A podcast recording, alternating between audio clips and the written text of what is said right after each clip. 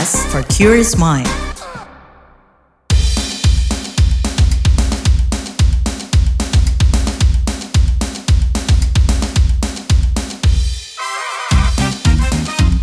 What's Trending KBR Pagi, siaran pagi radio paling update. KBR Pagi, siaran pagi radio paling update. Selamat pagi, apa kabar kalian semuanya di hari Kamis 24 Agustus 2023. Kembali lagi saya Don Brady menjadi teman pagi hari kalian semuanya di What's Trending KBR Pagi pastinya. Tak sekedar memanas, ilmuwan Badan Riset dan Inovasi Nasional atau BRIN menyebutkan suhu bumi mendidih sebelum waktunya. Ini diungkap peneliti klimatologi Pusat Riset Iklim dan Atmosfer BRIN, Erma Yuli Hastin, yang mengacu berbagai model proyeksi mengenai perubahan iklim. Erma mengatakan pada bulan Juli 2023, kenaikan suhu bumi tercatat mencapai 1,35 derajat Celcius. Padahal sebelumnya kenaikan suhu 1,5 derajat Celcius diperkirakan terjadi pada 2050.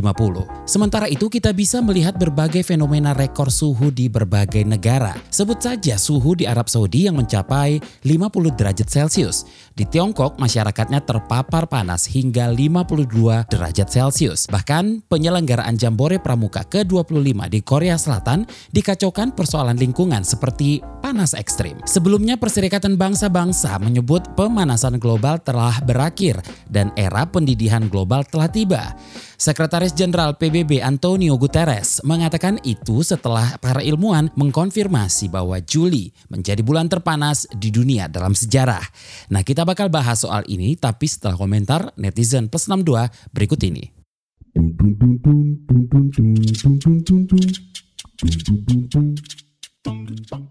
Kita ke komentar at MewXX. Ini tuh bumi panas banget gak sih? Lanjut komentar F. Jam siang, panas banget. Lalu komentar at XX. Panas enaknya makan es krim nih. Lalu at New XX. Bumi panas mendidih, nggak ada pohon dan air sungai. Lalu komentar at Rahmah XX. Bumi bukan lagi berada pada era pemanasan global sih, tapi udah mendidih global alias boiling global. Suhu di beberapa negara mencapai 40 hingga 56 derajat Celcius. Di Korsel ada kasus 23 orang meninggal dunia akibat cuaca panas. Lantas kita bisa apa nih untuk mencegah hal-hal yang lebih buruk lagi? Dan terakhir komentar at XX kata gua yang kurang dari transportasi umum di tempat gua tuh belum ada feeder-feeder buat jangkau bus-bus TJ dah. Yang ada sih cuman ada angkot karatan panas ngetemnya lama pula. Kalau ada feeder-feeder buat cover per kecamatan aja nih misalnya, makin banyak dong pastinya yang mau pakai transportasi umum ya nggak sih?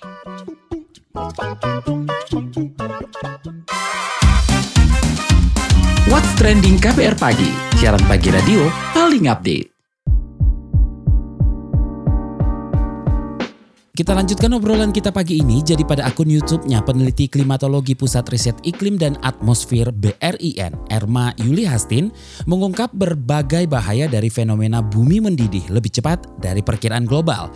Menurutnya, fenomena banjir dan kekeringan di berbagai belahan dunia makin ketara. Bahkan berbagai badai siklon tropis akan makin besar dan kuat. Yang telah di garis bawahi dan juga ditekankan oleh Sekjen PBB agar menjadi keprihatinan sekaligus kewaspadaan seluruh pihak yang tidak hanya berhenti pada keprihatinan, melainkan juga harus diikuti oleh langkah-langkah real, kebijakan-kebijakan yang nyata untuk mengendalikan agar krisis iklim tidak semakin lama semakin parah apa yang menyebabkan krisis iklim ini menjadi semakin parah atau bumi dikatakan mendidih tadi, yaitu ketika anomali global suhu bumi mencapai lebih dari satu derajat Celcius.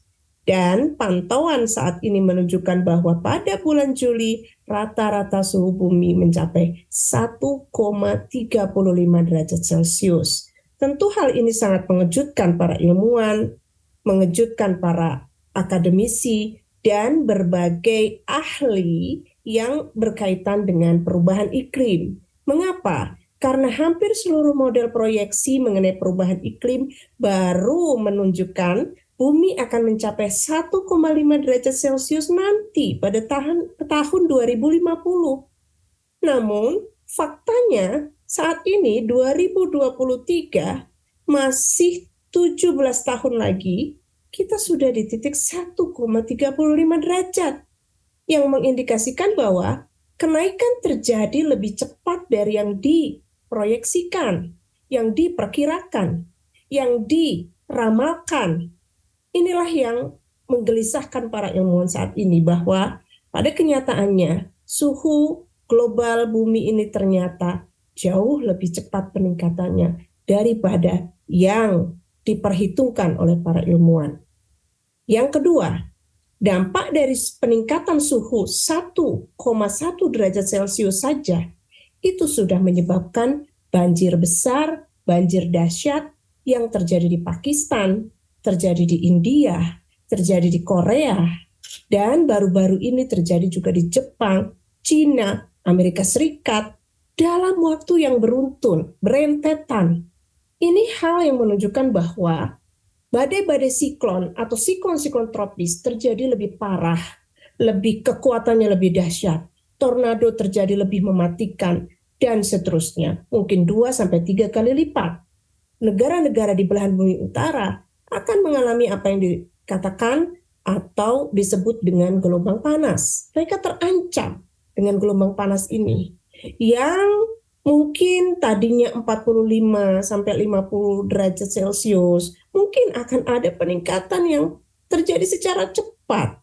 Mungkin peningkatannya bisa sampai 50 sampai 55 derajat Celcius. Dan inilah yang dikatakan dengan mendidih itu. Ketika negara-negara di belahan bumi utara mengalami ancaman yang serius, bukan hanya mengancam, bukan hanya sesuatu yang akan terjadi, tetapi memang sudah mereka alami. Apakah Indonesia aman dari fenomena mendidihnya bumi? Ini dijawab juga sama peneliti klimatologi Pusat Riset Iklim dan Atmosfer BRIN, Erma Yuli Hastin.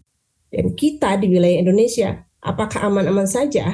Tidak. Justru wilayah Indonesia yang memiliki ratusan pulau ini mendapatkan banyak sekali ancaman akan tenggelamnya pulau-pulau tersebut. Karena kenaikan dari tinggi muka laut. Tapi tidak hanya tinggi muka laut saja yang efeknya dari pencarian es yang kita khawatirkan. Justru yang lebih parah adalah ketika terjadi gelombang besar yang kita sebut dengan storm surge yang ada di atas laut dan itu menghantam wilayah-wilayah pesisir pada waktu-waktu tertentu, maka itulah yang dinamakan dengan cara menenggelamkan wilayah-wilayah pesisir itu tidak hanya dengan kenaikan air muka laut yang sedikit demi sedikit, tetapi disertai dengan badai kuat yang terjadi di atas laut. Oleh karena itu Indonesia harus menjadi bagian negara yang terdepan di Asia Tenggara untuk mengatasi krisis iklim ini secara lebih real, lebih implementatif, dengan misalnya dua solusi. Yang pertama adalah melakukan berbagai cara dan solusi untuk menekan sebisa mungkin, sebanyak mungkin agar tidak ada pelepasan jumlah konsentrasi karbon dioksida secara massal di atmosfer lakukan penghijauan di mana pun berada di wilayah rumah kita yang terdekat karena itu satu-satunya cara untuk memberikan keseimbangan bagi sirkulasi udara dan menyeimbangkan pelepasan O2 dalam jumlah yang banyak untuk mengimbangi konsentrasi CO2 yang sudah terlepas di atmosfer dari bahan bakar fosil. Hanya bisa dinetralisir dengan penanaman pohon sebanyak mungkin karena hanya pohon yang bisa menghasilkan konsentrasi O2 dalam jumlah yang sangat banyak. Itu harus kita lakukan sekarang, saat ini juga. Kalau tidak kita, siapa lagi? Apa yang kita lakukan sekarang adalah sesuatu yang sangat berguna untuk anak cucu kita kelak.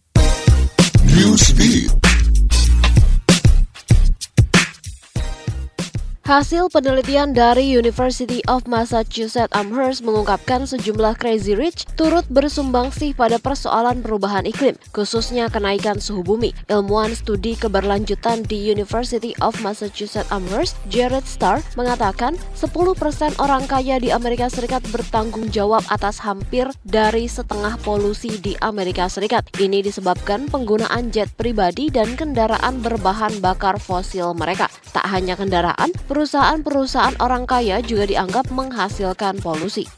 Sebuah hotel di Tiongkok menerapkan aturan biaya tambahan bagi pengunjung yang mandi atau berendam dua kali di kamar hotel. Hotel yang ada di Provinsi Yunnan mengaku penerapan biaya penambahan dilakukan agar pengunjung hotel bisa menghemat penggunaan air di tengah krisis perubahan iklim. Meski begitu, hotel ini dikabarkan mendapatkan sejumlah protes dari masyarakat Tiongkok lantaran biaya menginapnya tergolong cukup mahal. Masyarakat Tiongkok juga menganggap aturan biaya tambahan itu aneh.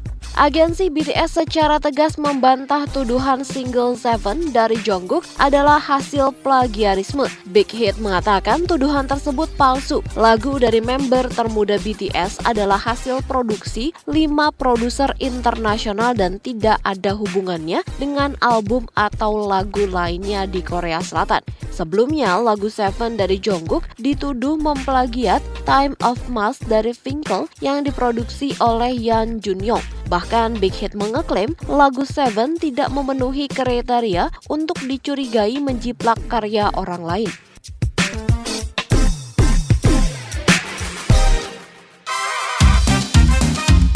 What's Trending KPR Pagi, siaran pagi radio paling update.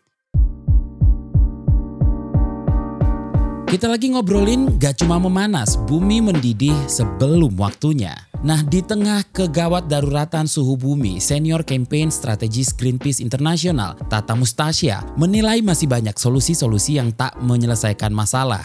Malah justru menurutnya membuat bumi berpotensi makin mendidih.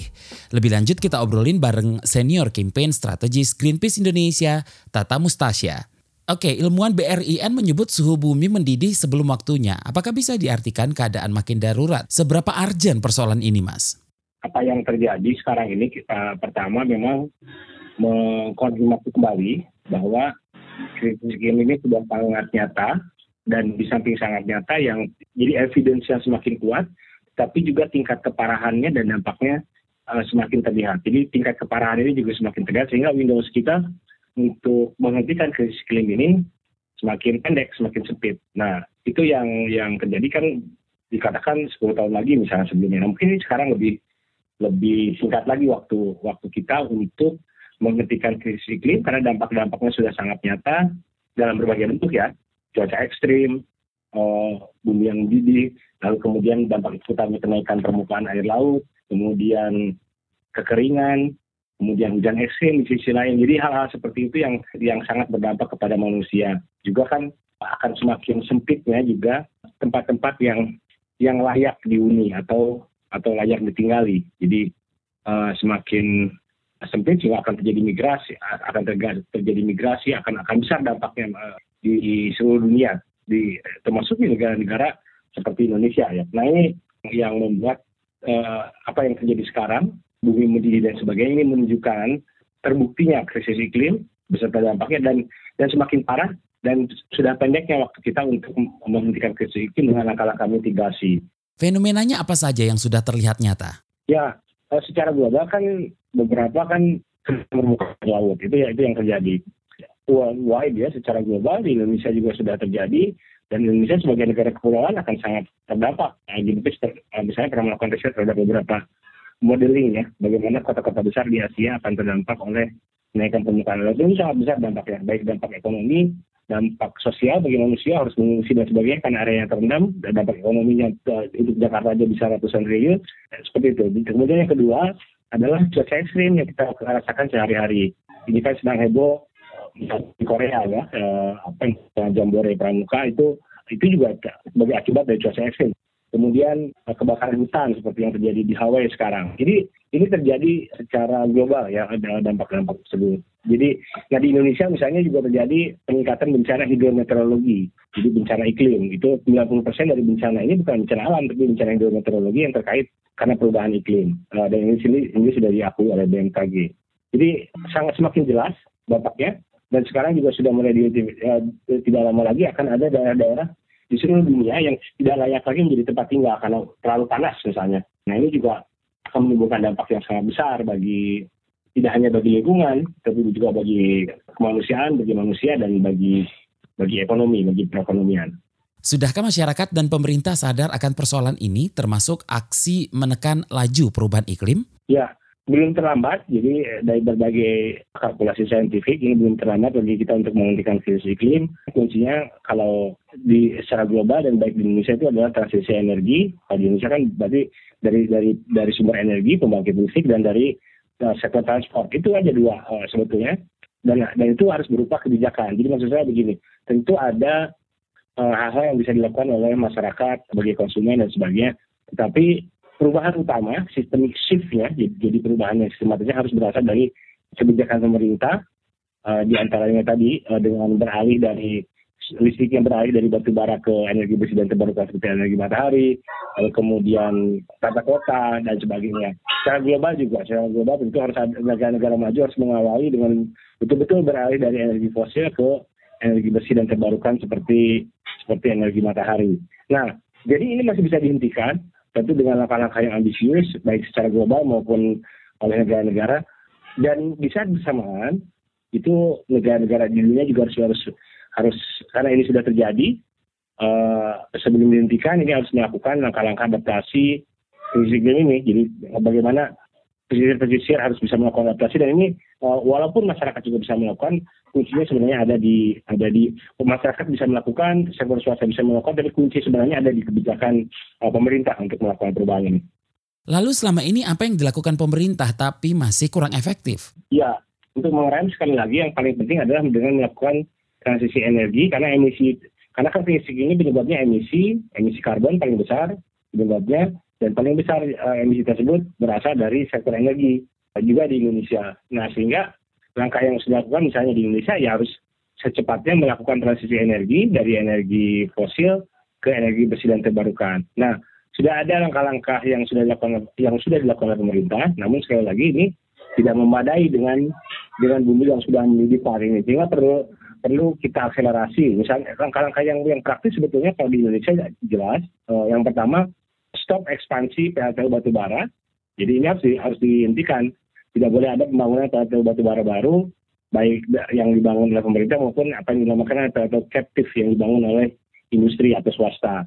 Nah lalu yang ke, uh, kedua, mempercepat pengembangan energi bersih dan terbarukan, terutama yang jumlahnya melimpah di Indonesia, yaitu yang paling melimpah adalah matahari. Yang lain-lain masih ada angin, energi laut, tetapi yang paling melimpah yang jelas adalah energi matahari. Ini mampu memenuhi kebutuhan energi Indonesia. Nah, yang ketiga, langkah yang ketiga adalah menghentikan solusi-solusi palsu yang selama ini dalam tanda kutip menggoda kita. Jadi seharusnya kan tadi kan ada yang pertama menghentikan uh, apa ekspansi pltu batu bara dan yang kedua energi terbarukan. Nah, jangan terjebak ke solusi palsu. Jadi misalnya apa solusi palsu ini di antaranya adalah gas misalnya memang lebih bersih dari batu bara, tetapi eh, eh, seharusnya kita langsung karena bumi, bumi sudah mendidih, kita harus langsung beralih ke energi bersih dan terbarukan sebenarnya seperti energi matahari. Lalu solusi palsu lainnya ada misalnya co-firing sekarang yang banyak ditawarkan tapi juga tidak banyak mengurangi emisi dan malah bisa menyebabkan deforestasi dan dan dan, dan banyak lagi. Terima kasih Senior Campaign Strategis Greenpeace Internasional Tata Mustasya.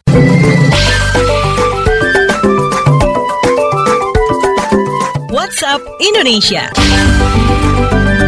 WhatsApp Indonesia kita mulai dari Papua. Fenomena El Nino disebut-sebut berpotensi mempercepat pencairan dan kepunahan salju abadi di puncak Jaya, Papua. Kepala Badan Meteorologi, Klimatologi, dan Geofisika BMKG, Dwi Korita Karnawati mengatakan, penipisan lapisan es sebesar 1 meter telah terjadi sejak 2010. Sejak saat itu, BMKG menggandeng Ohio State University di Amerika menganalisis gletser atau lapisan es di puncak Puncak Jaya, Papua. Dwi Korita mengatakan terjadi penurunan drastis ruas area salju abadi di Puncak Jaya Papua. Kondisi itu diduga kuat berkaitan dengan pemanasan global. Pada 2022 lalu, luas tutupan es di Puncak Jaya sekitar 0,23 km persegi. Selanjutnya kabar TPPO. Kementerian Pemberdayaan Perempuan dan Perlindungan Anak Kemen PPPA mengutuk keras tindakan pidana perdagangan orang TPPO yang kembali terjadi di Gang Royal, Kota Jakarta Utara, DKI Jakarta.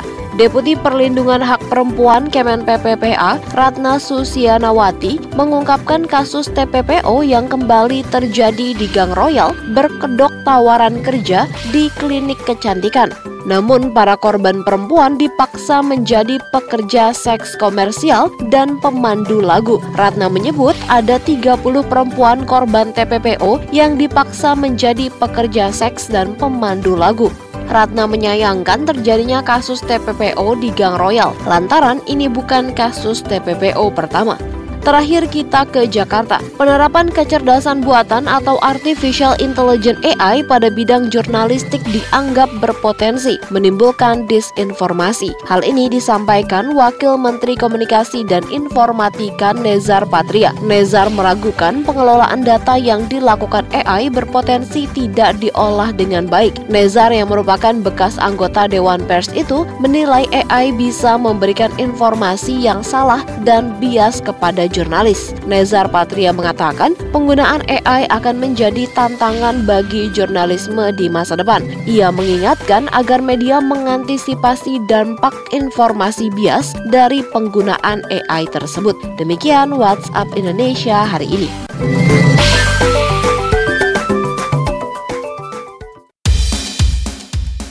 Kasih sudah mendengarkan What's Trending KPR Pagi. Jangan lupa tetap dengarkan podcast What's Trending di kprprime.id dan di aplikasi mendengarkan podcast lainnya. Don Brady pamit, besok kita ketemu lagi. Stay safe. Bye-bye. What's Trending KPR Pagi. Siaran pagi radio paling update.